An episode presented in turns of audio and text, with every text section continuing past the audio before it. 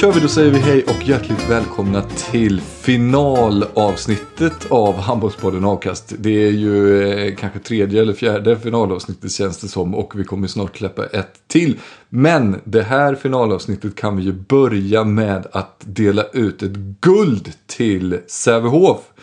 Jävlar vad mäktiga de är när maskinen väl rullar igång. Jag tänker att vi ska prata lite om den matchen alldeles, alldeles snart. Men jag tänker att vi också bara ska passa på att säga att vi ska göra två saker till i det här avsnittet. Nämligen att snacka ner match 4 i finalserien på herrsidan mellan Kristianstad och Sävehof. Och sen snacka upp då dagens final blir det väl då va, när det här avsnittet släpps. Matchen som kommer avgöras ikväll som kommer också då att avgöra åt vilket håll SM-guldet på herrsidan delas ut. Vad känner du för det Josef? Ja det låter ju jättebra. Och så, jag tänkte innan, att, innan vi spelade in att det här var något typ av extra avsnitt. Men det är det kanske inte. Eftersom det är ju söndag. Det är då vi brukar spela in.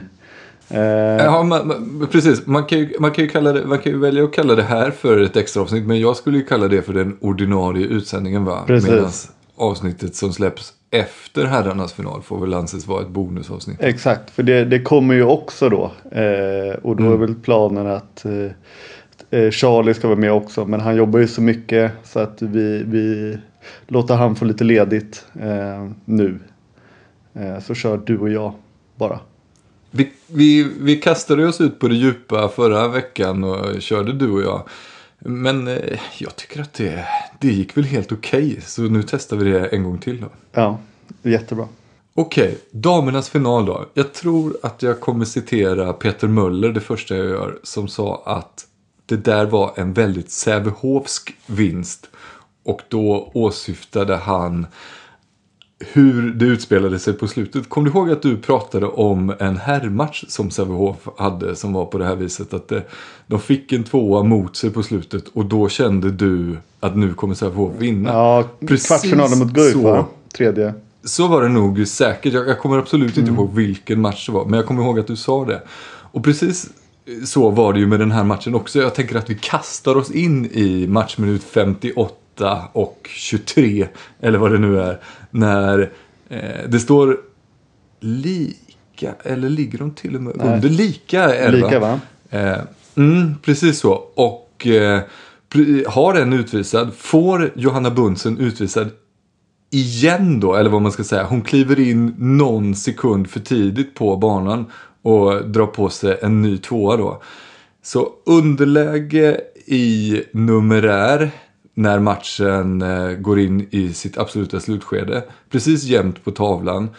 Då tänker ju alla som tänker logiskt att där svänger matchfavören över till H65 Hör. Det här ska de vinna. Men det tyckte inte Laura Jensen som gjorde ett helt otroligt mål när hon bara kastar upp den i krysset på ett märkligt sätt va? Alltså det, det, såg inte riktigt ut som att det fanns ett läge. Nej och, och jag tycker att eh, Gry, Berge, eh, Gry Bergdahl i Hörs mål liksom eh, hennes reaktion när den gick in det, det, det, känslan var att när hon såg bollen hennes målvaktsöga sa den går ut. Liksom. Ah, eh, du, ah. in, och inte liksom att det var, jag menar inte att hon släppte den utan bara den så här, det, det, det kändes verkligen inte som att den där skulle sitta helt perfekt i krysset när hon... För jag tänkte att Gry Bergdahls målvaktsöga sa samma sak som mitt handbollsöga sa. Att här är det inget skottläge. Jag behöver inte riktigt... Åh oh, jävlar! Där var en ja, boll. Ja, men den, den, kanske, att, att... den är nog bättre än liksom en Ja, det, jag, jag viker mig direkt faktiskt här. Jag... Ja, hon hann reagera först när bollen var i mål i alla fall. Ja. Oavsett av vilken anledning det var. Ja, och då helt plötsligt så var det ju ledning för Sävehof. Då har de ju inte längre Johanna Bunsen i mål när de är en man mindre. Och Johanna Bunsen är ju, det vet ju alla, en av världens absolut bästa målvakter och en målvakt som har stått typ varje sekund i den här matchserien. Jag tänkte jag gissar att det är varje sekund. Innan vi spelar in så tänkte jag jag behöver googla andra målvaktens namn. Eh, mm. Men så tänkte jag, nej jag gör inte det bara för att det skulle få visa. Alltså jag har sett nu Sävehof har fyra matcher på sex dagar eller någonting sånt där. Och hennes namn har knappt nämnts liksom för att hon det, det är ju Bunsen, Bunsen, Bunsen, Bunsen som, som står i det där Mm. målet. Men Line Stenberg va? Bergfält. Line Bergfält. Ja, det det, var- namnet ska vi lägga på minnet. Ja. Född 04, ung, egenfostrad spelare. Och jag, jag vet det med sån säkerhet för att jag just nu sitter och läser från matchprotokollet. Och det finns en liten rolig detalj i matchprotokollet som eh, jag inte tror kommer gräma Line Bergfält nämnvärt. Men hon har inte ens ett kryss i den där kolumnen för deltaget. Nej.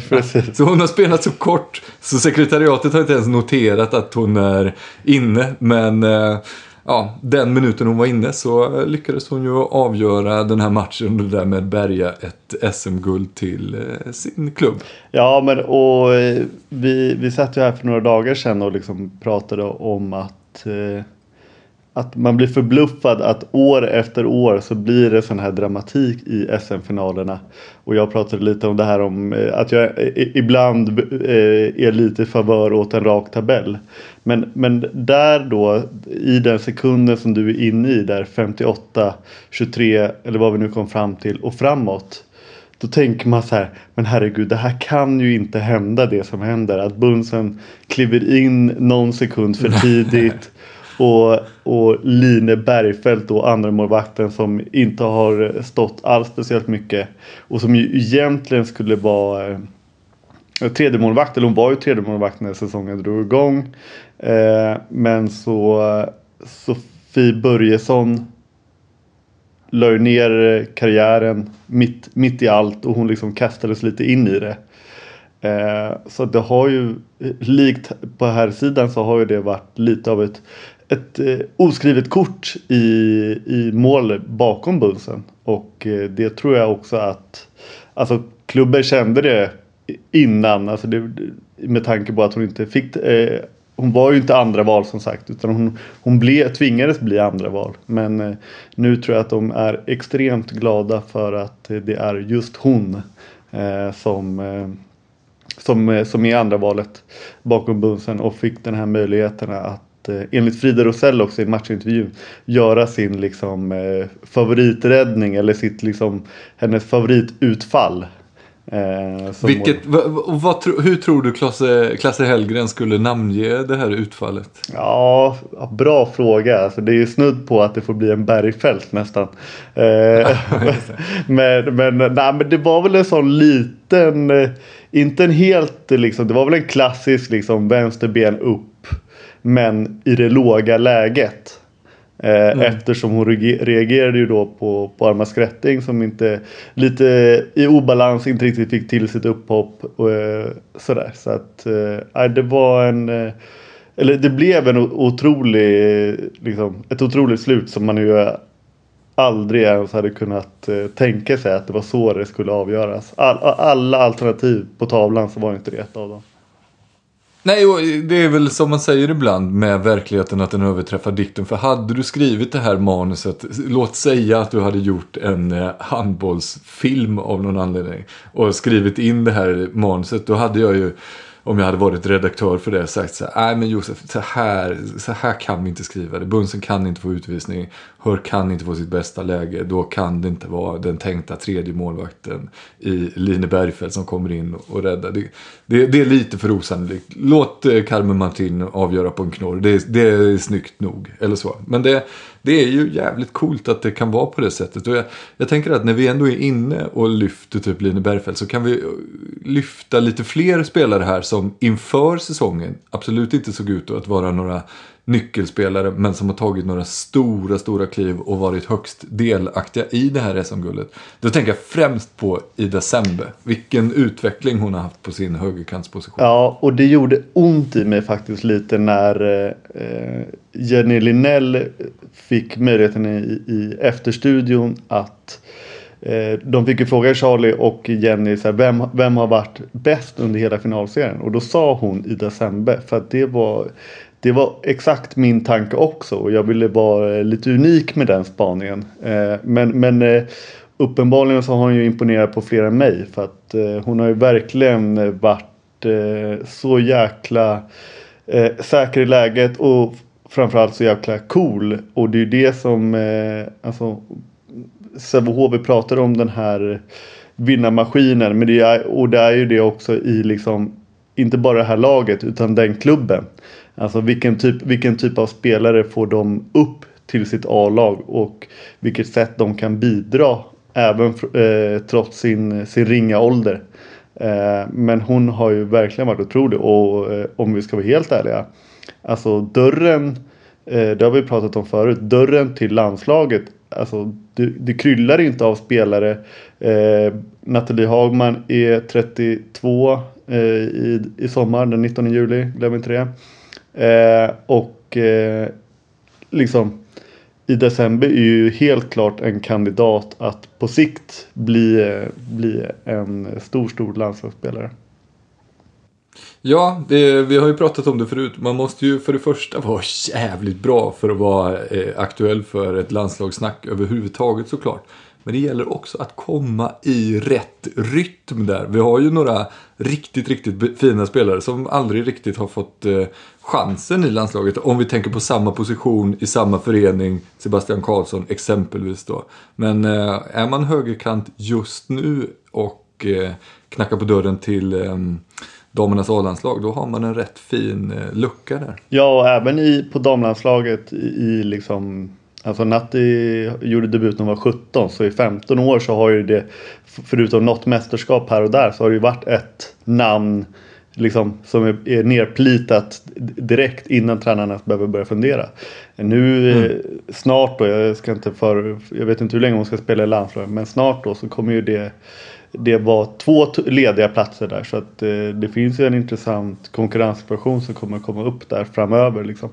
Eh, men, men nej, eh, vi ska inte gå händelserna i förväg. I december har ju verkligen eh, eh och framförallt det, liksom, det, det sättet. Alltså hon vill hela tiden ha läget. Hon vill ha bollen. Eh, hungrig på att avgöra. Alltså jag tycker att det, det är en, eh, en läcker spelare.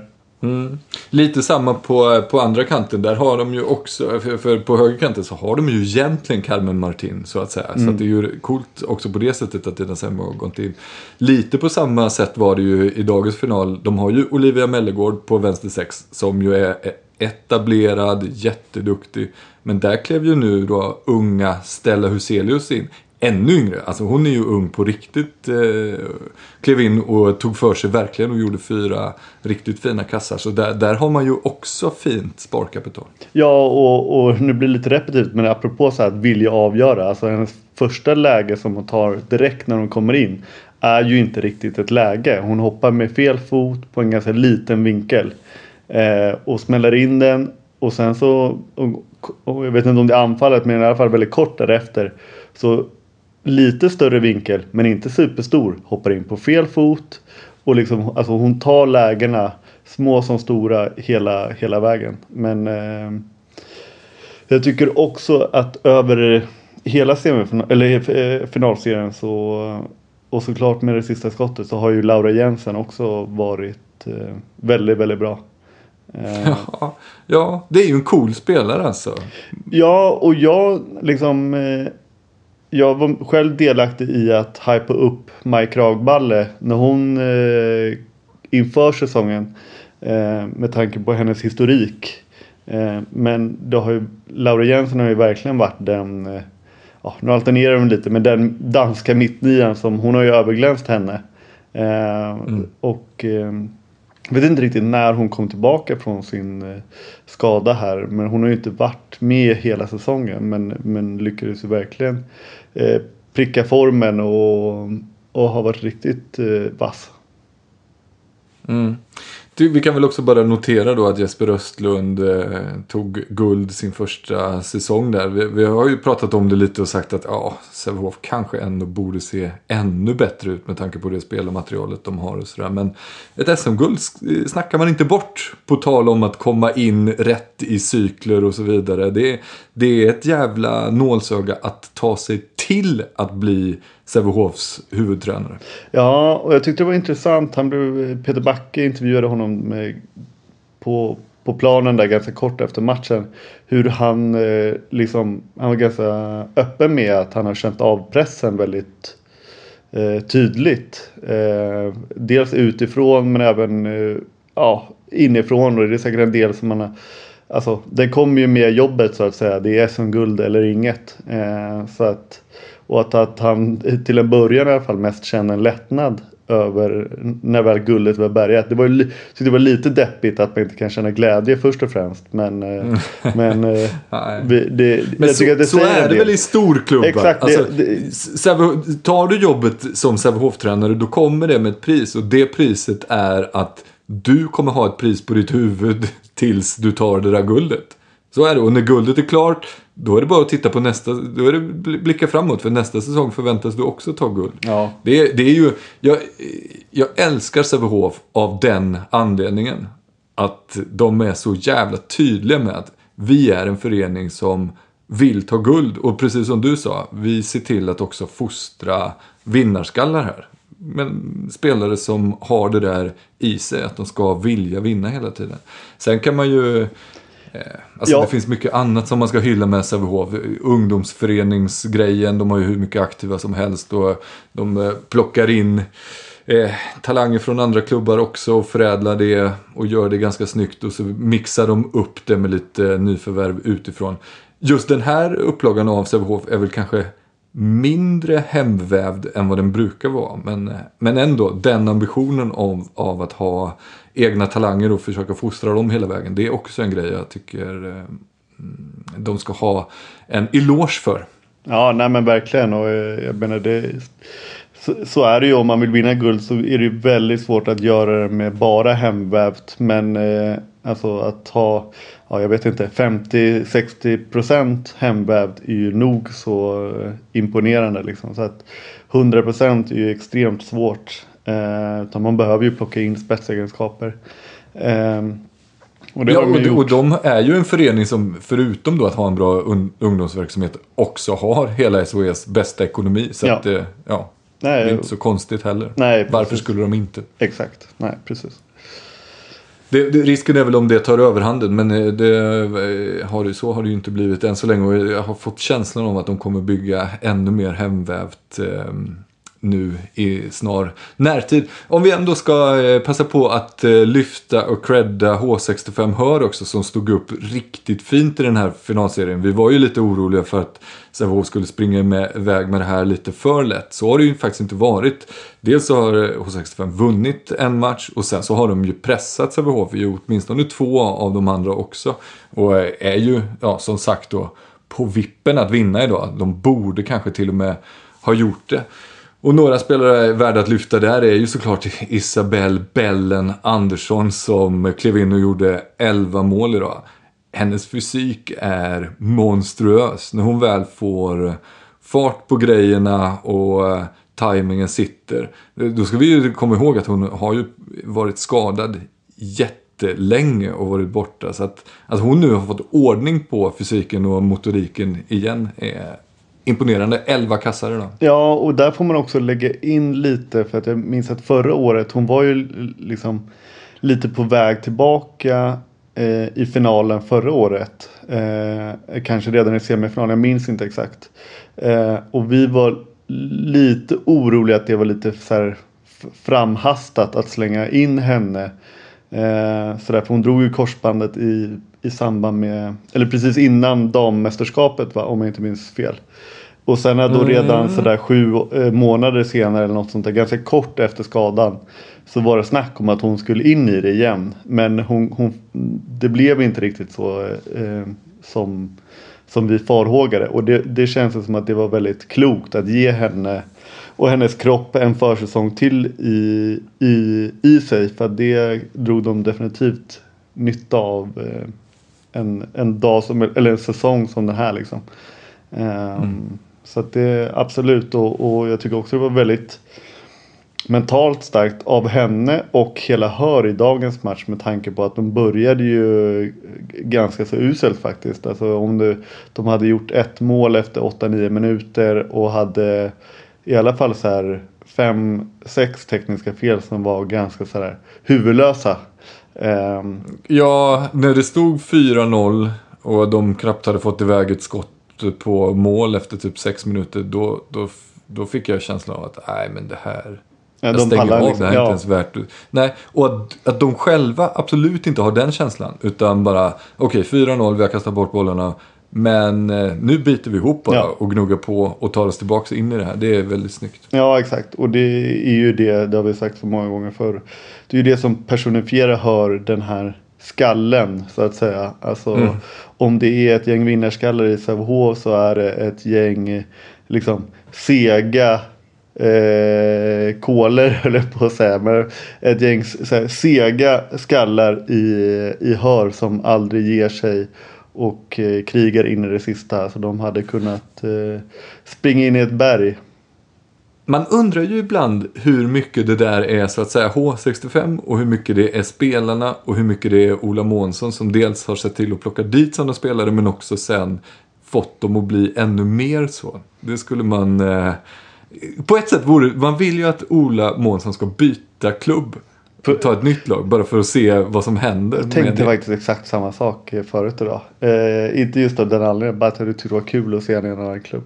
Eh, men eh, det misstänker att vi inte får se. Jag tror både han och föreningen är, är nöjda. Eh, tycker dock att om man ska vara lite kritisk mot Har eh, och det gäller inte den här matchen utan generellt eh, så tycker jag för att kunna utmana Sävehof, eller utmana, det har de ju sannerligen gjort. Men för att kunna rubba Sävehof eh, så behöver de eh, liksom, för, för nu är det ändå ganska nära. Trots det här stjärnlaget, eh, eller vad man ska kalla det, med, med, som Savov har. Eh, men liksom för att om de skulle utveckla det kreativa spelet med boll och, och anfallsspelet så hade de eh, eh, kunnat bli otroligt vassa. Eh, nu får vi se i, i och med att eh, ja, det blir lite ombyggnad eller omstart med tanke på att Isabella Andersson och Ida Gullberg och Gry Bergdahl också va eh, ska lämna eh, för, för utlandsspel. Eh, alla till Tyskland om jag inte minns fel. Eh, så att eh, men det har de ju gjort förr med, med framgång. Eh, så att, eh, men där, där har de lite att utveckla. Mm, snyggt. Vi eh, lyfter på våra hattar och eh, sätter på guldhattar på Sävehof. L- lite liten detalj från protokollet bara innan vi går vidare från det. Domardelegaten heter Roger Ljung. Tror du att det är den gamla VM Fotbollsagenten. 94-hjälten? Ja, ja, ja, ja jag Det tror inte det. väldigt, Alltså. väldigt läckert om han sitter nere i, i Skåne och är matchdelegat på handboll nu. Ja, han eh, ja, hade varit otippat, absolut. Mm. Så då går vi vidare till eh, nästa finalmatch då. Och då börjar vi i den kronologiska ordningen att vi snackar ner match 4. Eh, där eh, Sävehof kvitterade matchserien emot IFK Kristianstad. En match som på förhand var Kristianstad eh, inriktad. Det var Kristianstad som var favoriter även att matchen gick upp i Partille. Ja, och invasion Kristianstad liksom med alla bussar som inte fanns, eller jag på att säga. Men bussarna som, all, busslaster med fans upp och det hade kunnat vara fler men de fick inte ta på, på bussarna. Så att känslan var ju verkligen att de eh, hade fått upp liksom doften av guld där nere.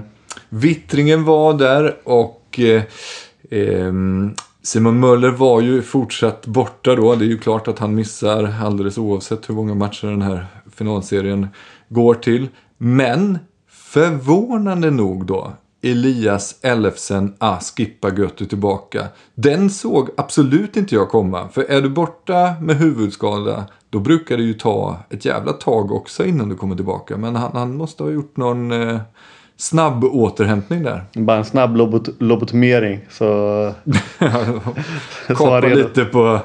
Ja, det här eh, långtidsminnet, det behöver du ändå inte. Nej. Vi, vi kapar det. Ja, nej, men absolut. Och, och, eh, men det blir väl också så när det är så tajt om, eh, alltså när det är så tajt mellan matcherna då från den trean till fyran där han fick den här skadan.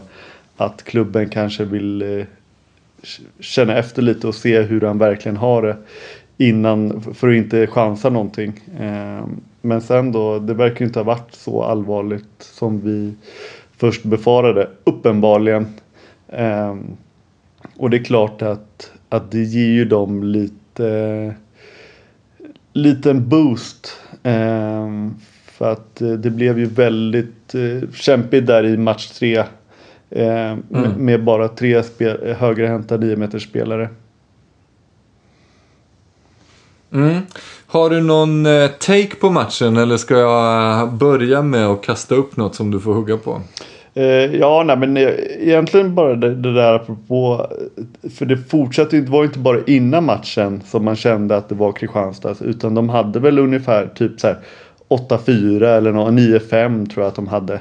Eh, och då var ju trots det. Stabil ledning hade exakt, de Exakt, trots ja. det att de hade haft lite utvisningar mot sig. Marcus Olsson fick tidigt två, två, två utvisningar. Eh, och, eh, har ju tydligen inte fått en enda utvisning tidigare i slutspelet. Eh, om jag minns eh, kommentatorerna rätt. Vilket är rätt coolt. För att vi har ju pratat om vilken slitsam roll han har att spela vänsternia framåt i kanske 50 minuter plus per match. Dessutom då stå som eh, tvåa i försvaret hela, hela tiden. Mm. Att orka det och göra det så pass bra så att när han väl klev av några gånger och de behövde plocka in någon annan på hans position så blev det märkbart sämre. Alltså, han, han är uppenbart en bra tvåspelare då.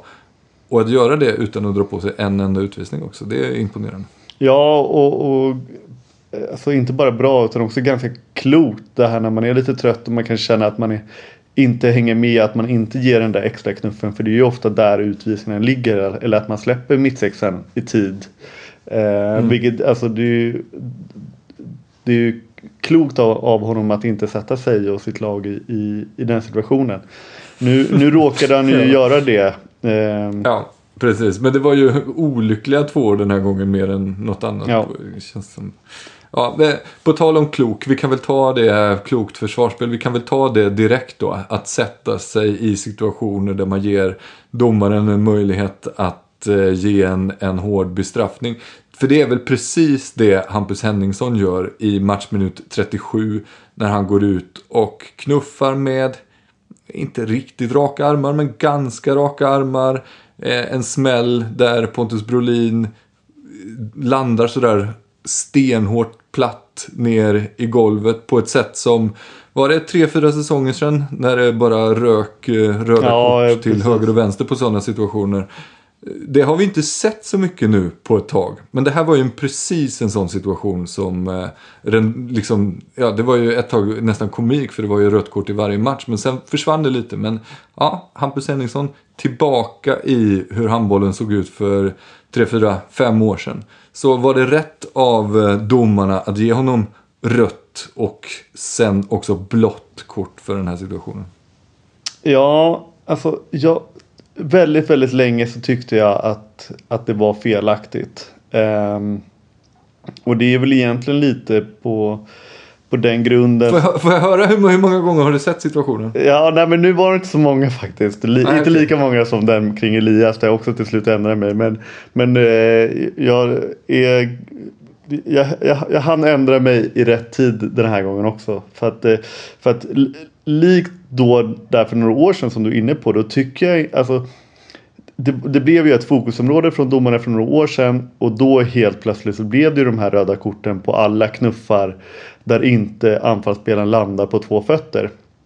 Och, och det blev lite ja, eh, ett överflöd i de där röda. Precis som jag tycker att det har blivit ett överflöd i två minuter på kantförsvararen nu när, när det har varit fokus kring, på det här kring longstep en annan diskussion. Ja, Albin Selin har ju åkt på några ja. jättefåniga ja, sådana. Exakt, men, men det, det, kanske är en annan diskussion då. Men, mm. men, mm. men om man ska ta den här så är det så att jag, jag tycker inte att man bara kan se på effekt. Eh, effekten av smällen liksom. Eh, vilket ju domarna ska ta i beaktning. Eh, mm. Och det var också det då som för övrigt inte bland annat gav Elias det där röda för att Marcus Olsson Ja, han ställde sig typ bara upp liksom. Kunde parera det så bra. Ja, ja. exakt. Men eh, och, och, och där visar ju också lite skevheter i det där att liksom ligger du kvar och visar att du markerar att du får ont, då blir det rött. Vad, vad leder det till för typ av handboll och agerande från anfallsspelarna. Mm, det kommer nog... Nej, det, det känns som en, en, ett farligt incitament Exakt. att ge så att säga förstärkare och filmare en, en sån tydlig. Fördel av att göra det. Exakt. Så därför var jag till en början, eh, tyckte jag inte att det skulle vara rött. Men sen så kom jag väl fram till att, man, att det är farligt spel på grund av den kraften som eh, används. Liksom. Eh, Mm. Och det är Alltså att Ja, det är så, så därför tycker jag att det var rött, rätt att det blev rött. Sen huruvida det är blått eh, så har jag förstått det som eh, att alla rö- direktröda kort granskas ändå. Så att det blåa kortet är ju mest bara ett förtydligande. Det här behöver ju inte leda till något mer än en eh, eller eh, till något mer än den avstängning han redan skulle zona. Eh, på, på grund av två röda. Så att jag förstår eh, liksom. Det, det, det blåa kortet har ju inte riktigt något syfte. Så att, eh, men ja. Och jag tycker... Kort, kort bara, jag tänker att vi ska släppa, för jag håller med dig precis Mm. som det där. Jag tänker att vi ska släppa liksom domar och regelgrejen och fokusera på spelet och handbollen. Ja, men jag vill bara snabbt, nej men det, det var jag som frågade så det, det Ja, men jag, jag kan men- fastna i, i det. det, jag lyssnade på en annan stor svensk handbollspodd och de har också en tendens att fastna i det och jag tycker det är så jävla tråkigt att lyssna på. När, när de spelar så här skitfin eh, match och man vill höra om liksom, så här, taktiken och vem som gjorde vad och sådär så blir det jättelångt om en liten liksom, så här, ja, sekvens i regelboken. Men bara kort, eh, jag såg en diskussion som jag tyckte var lite intressant på Twitter om huruvida Kristianstad blir förfördelade eh, för de spelar sitt tuffa försvarsspel då, jämfört med Sävehof. Och då var det någon som lyfte fram att exempelvis i den här matchen då så fick de en, två, tre, fyra, fem, sex, sju utvisningar medan Sävehof bara fick två. Där Emil Berggren kastade sig in i den diskussionen och sa det är väl inte så konstigt för att de spelar ju på helt olika sätt. Sävehof försöker hela tiden spela sig till eh, frilägen och det genererar naturligt mer utvisningar och straffar för eh, motståndarlaget. Medan eh, Kristianstad då å andra sidan eh, mer arbetar på 9 meters avslut eller så. Och dessutom så fort de får in den på linjen så släpper Sävehof direkt. Och då blir det färre straffar och två minuter. Vad, vad tycker du? Är det mer åt det hållet eller har domarna lagt en ribba som inte är så bra för Kristianstad i den här finalserien? Nej men jag håller helt med Emil i det fallet. Att, och det, jag vill egentligen hylla Sävehof för att, och jag vet att det är någonting de har pratat om. Eh, för att jag vet att eh, Mikael Apelgren pratar om allt som eh, kan gynna hans lag. Att de är väldigt skickliga på att eh, släppa mittsex, låta han skjuta. De är väldigt skickliga på att släppa kanterna. Eh, apropå long step och sånt där. Så att, eh, Och sen å andra sidan såklart mer 9 meters skott från Kristianstad och de situationerna.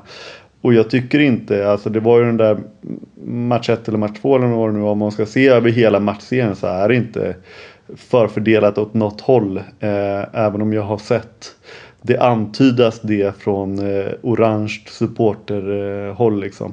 Eh, att jag, eh, så att eh, den eh, diskussionen är ju bara att lägga ner liksom. Mm. Skönt, jag tycker också att det blir lite genant när liksom vuxna människor i- Ja, I stridens hetta kan jag gå med på att man Ja, inte är nöjd med domslut. Men att man i efterhand, till och med dagar efter, Ja. sitter och gnäller över domare på ett sätt så... Ah, det blir lite genant. Så det, Jo det är och framförallt konspirations, här, när det blir konspira, Ja. Mm. konspiratoriskt kring att eh, Ja jag vet inte om eh, att Sävehof skulle vara förbundets gullegris. Liksom, Mer Mm. Nej, än Kristianstad då eh, också som ju är liksom det- ja. eh, flaggskepp och har varit i många många år. Alltså det där är bara sånt jävla bullshit. Ja, det blir lite fånigt. Nu vänder vi istället blicken till en motsvarighet till Line Bergfeldt då i Oscar Sävinger. Han fick ju en väldigt otacksam roll egentligen. Att komma in och försöka ta över från en All-star målvakt med högst procent i hela ligan som dessutom har varit skitbra i slutspelet. Från nästan ingenstans. Men i två matcher nu så har han överglänst målvaktsparet Espen Christiansen och eh, Banke i andra målet. Och det från liksom ingenstans. Jag, jag, tycker att Christian Albinsson gjorde en fin liknelse när han liknade Sävinge vid en målvakt. Vet du vem han liknade honom med? Eh, nej. Peter Gensel. Ja, ja, rent spelmässigt ja.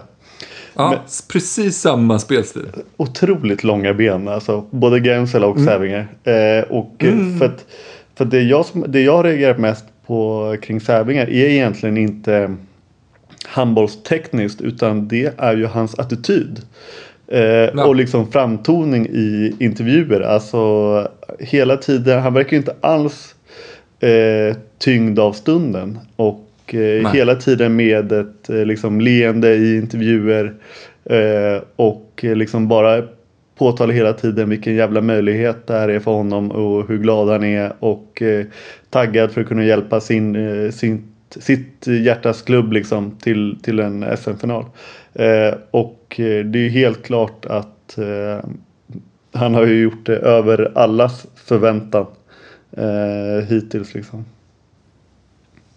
Mm, verkligen imponerande. Det fanns ju en rolig grej med den eh, tidigare tredje målvakten, nuvarande andra målvakten då i Sävehof, när Simon Möller inte är med.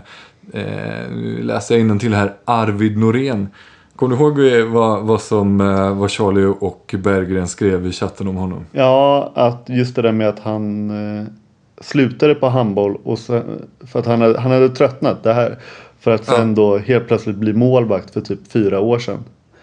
Eh. Fyra år sedan började han stå i mål och nu är han andra målvakt i en SM-final. Och då tänker man, ja okej okay, men det var kanske bara en öppning så. Hur bra är han egentligen då? Ja, tillräckligt bra för att bli utsedd till eh, All-Star Team i JSM precis. Ja. Så att, eh, väldigt bra. Nog, ja och, och hy hyfsad återväxt eh, lite. Det vet jag var Apel inne på lite. Att det har varit. Vi pratade om det inför säsongen, tror jag, eller om det var förra säsongen. Om eh, så här, stora målvaktstalanger i Sverige. Och vi pratade om Norsten och delvis eh, Simon Möller som ju, han är ju verkligen med eftertryck. För där var vi också lite tveksamma vill jag minnas på Simon Möller.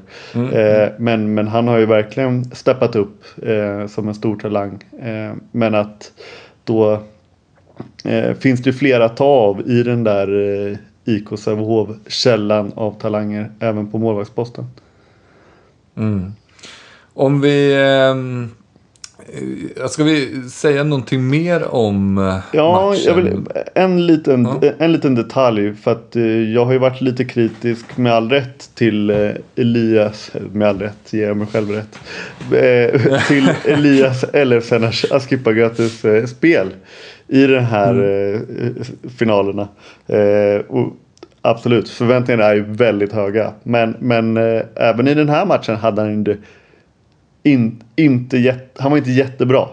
Eh, men han kom ju in i slutet. Eh, och liksom tippade över matchen lite i, till Sävehof då. Eh, med två mål. Eh, då hade han haft två på sex innan och liksom haft lite knackig utdelning. Eh, gör två väldigt, väldigt viktiga mål och det, det säger också någonting om, eh, om psyket och skallen på den killen liksom. Mm. Och annars får vi det, det tycker jag också var väldigt fint av Apelgren som, som, för jag noterade det i timeouten. Det var väl i slutet på första halvlek var det nog kanske med två minuter kvar eller något sånt där. Att han så tydligt sa så här, ja men framåt sen då sätter vi upp en, vad det nu var, Ystad tror jag han kallade den på Elias. Då tänkte jag det, oh, ska ni, ska ni låta Elias dra nu? Det, finns väl andra spelare som ni hellre ska sätta i läge. Ja, men så kommer han ju gå upp från nio, smacka dit den i krysset och så är det... Ja, det, det var ganska viktigt tror jag för, ehm, för matchen också att eh, Sävehof gick... Eh, för Kristianstad ledde väl med ett mål i halvtid. Hade det varit 2-3 där då hade det nog inte alls sett så roligt ut. Nej, nej. och vi får också plussa för Brolins match ännu en gång i ja, offensiven. Ja. Alltså där, och nu har han ju liksom nu var ju Elias tillbaka. Nu har ju spelat. Eh, det är så läckert tycker jag när man spelar sig till mer speltid i, mm. i en konkurrenssituation. Alltså att eh, efter den match tre som han gjorde så känner ju Apel att helvete han måste vara med framåt även nu liksom. Och bidrog med 6 på 6 eh, och som alltid stabilt försvarsspel. Ja, och de slog ju om försvaret lite nu och satte Brolin tydligt mot Marcus Olsson, i alla fall i början av matchen. Och det, det måste ju vara ett, eh, ett drag de har gjort för att sätta sin bästa försvarare då för att plocka bort Marcus Olsson i så hög utsträckning som möjligt. Ja, delvis alltså. eh, För det var ju också, de började ju också i, i 5-1 och då är ju eh, Berlin den naturliga centern liksom. Så att, eh, Och då är det ju inte så många två alternativ kvar för att de vill ha kort byte på andra sidan. Eh, Men Det föll sig det föll sig också naturligt. Eh, ska också eh, så här taktisk detalj från matchen var ju också att, eh, för vi pratade efter match 3 om eh, Kristianstads 7-6-spel mot det här 5 1 och eh, så prat, jag kommer inte ihåg om vi diskuterade olika ändringar eller alternativ. Men nu ändrade de ju för att det blev ju för mycket, i och med att Marcus Olsson hittade det här assistspelet och allt vad de, och de fick inte till det riktigt. Så gick den ju ner i, i ett 6-0 och eh, fick mycket bättre betalt på det. En, en lite konstig fundering som jag har, men eh, är det inte lite märkligt? För Sävehof har ju bränt en del straffar i den här finalserien. Är det inte lite konstigt att inte Sebastian Karlsson är jättebra på straffar? Han borde verkligen vara bra Jo, på men jag tror att han är ganska bra på straffar. Vet, han har ju lagt straffar förr om åren vet jag. Jag vet, men nu är han ju uppenbart då Tredje. fjärde val Ja. som, som tid. Alltså, Ja, eh, Elias skjuter ju först. ja så Och sen, Blanche eh, och Brolin va? Ja, och Brolin. Så att som tidigast fjärde val. Ja, ja Spante är ju också med där omkring. eh, Liksom. Han, det har vi, inte, vi har inte kommit upp på, på fjärde valet ännu. Eh, så, exakt. jag vet att Spante har skjutit straffar också. Men eh, jo, det känns ju som att han har ju ett par alternativ av egentligen väldigt starka straffskyttar. Det får väl ge en Ja, hyllning till... och eh, en väldigt tydlig sån straffskyttsaura ju. Ja, ja verkligen. Men vi får, ge där får vi hylla Banke också. Eh, Ja, För gud vad bra han har varit otrolig på just straffar. Även om Mm. eh, vi är lite besvikna på Kristianstads målvaktsspel generellt. Men just på straffar Ja. har han ju verkligen fått till det.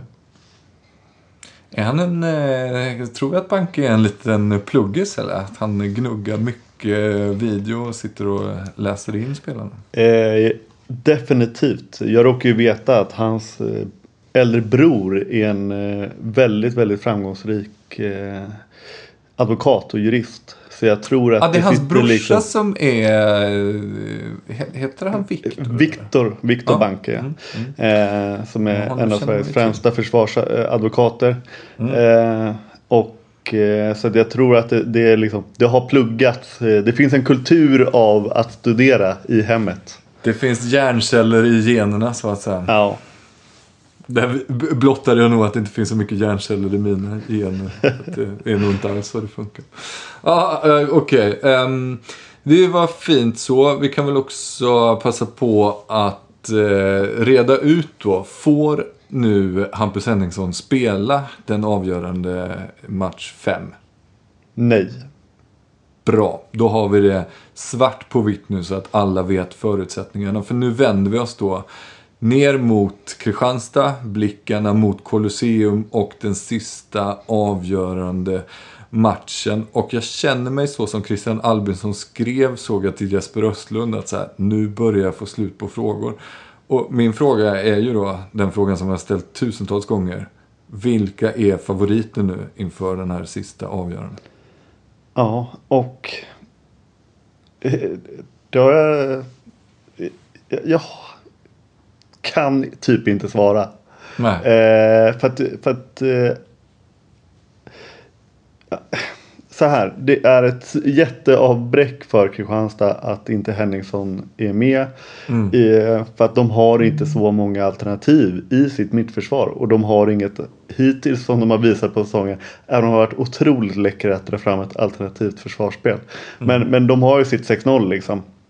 Och då kommer det vara Jurmala och Frände Öfors som ska eh, eller eventuellt eh, Herman Josefsson då som ska in på den där trean bakåt. Och Frände Öfors gjort det jättebra. Absolut. Alltså, eh, jag eh, står bakom alla hyllningar som, som ges till hans försvarsspel. Men det är en skill- jäkla skillnad att göra det liksom i 60 minuter ish. Eh, för att jag tror att de kommer börja med Jurmala men sen kommer de ganska tidigt vilja byta ut honom för att han ska orka. Eh, så jag tror att framförallt där kommer det vara Frände Öfors som kommer stå där. Och i 60 minuter och göra det med så pass lite förberedelse. Det, det kan nog vara kämpigt eh, tror jag. Eh, å andra sidan. Alltså Sävingar har gjort det extremt bra. Men liksom man kan inte förvänta sig. att han att, gör det, det att, tre gånger. Nej. Exakt. Eh, så det är ju fortfarande ett avbräck att inte Möller är med. Även om Sävingar har gjort det fantastiskt bra. Mm. Så att bägge lagen har ju varsin sån där stor eh, liksom. Eh, eh, ja, ett stort avbräck. Eh, åt, åt varsitt håll. Eh, och inför så var ju eh, Sävehof mina favoriter.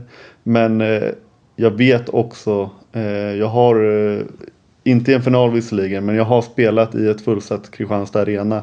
Eh, alltså det kommer eh, vara ett otroligt eh, liv där inne.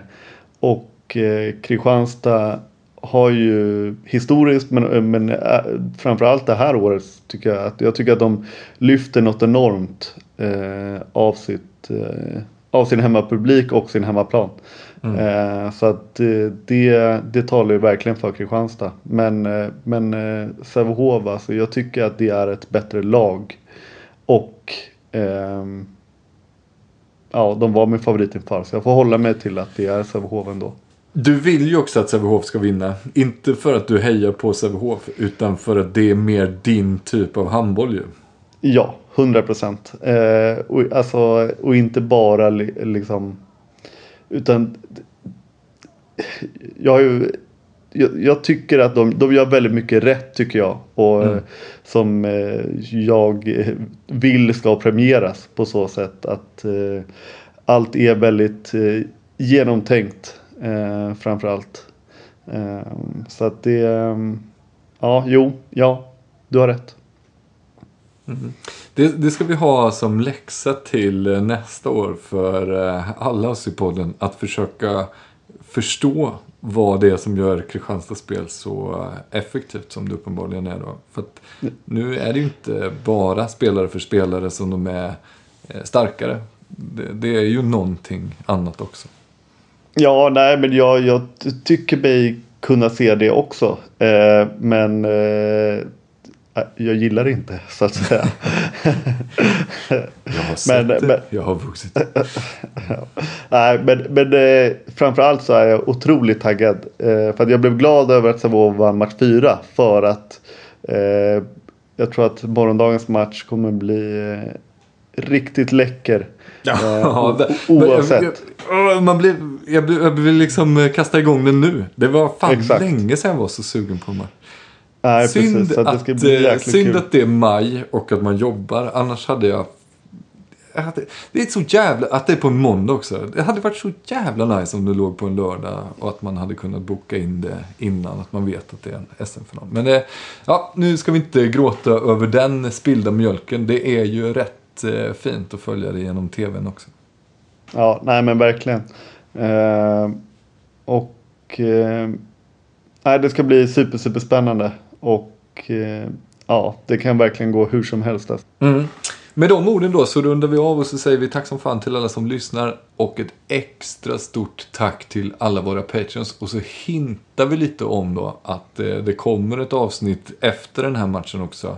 Sen om det kommer på tisdag eller onsdag eller möjligen torsdag. Det får vi väl se. Men det kommer ett eh, bonusavsnitt till i veckan.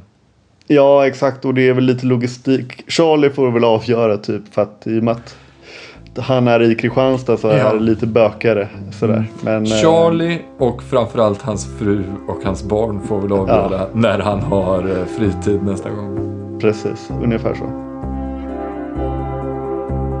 Rötterna blir starka när det blåser Luften blir friskare när åskan går Det blåser på Genesarets sjö och likaså på Galleriblet dina kyssar smakar smultron och mjölk. Drömmen ska brinna om ett annat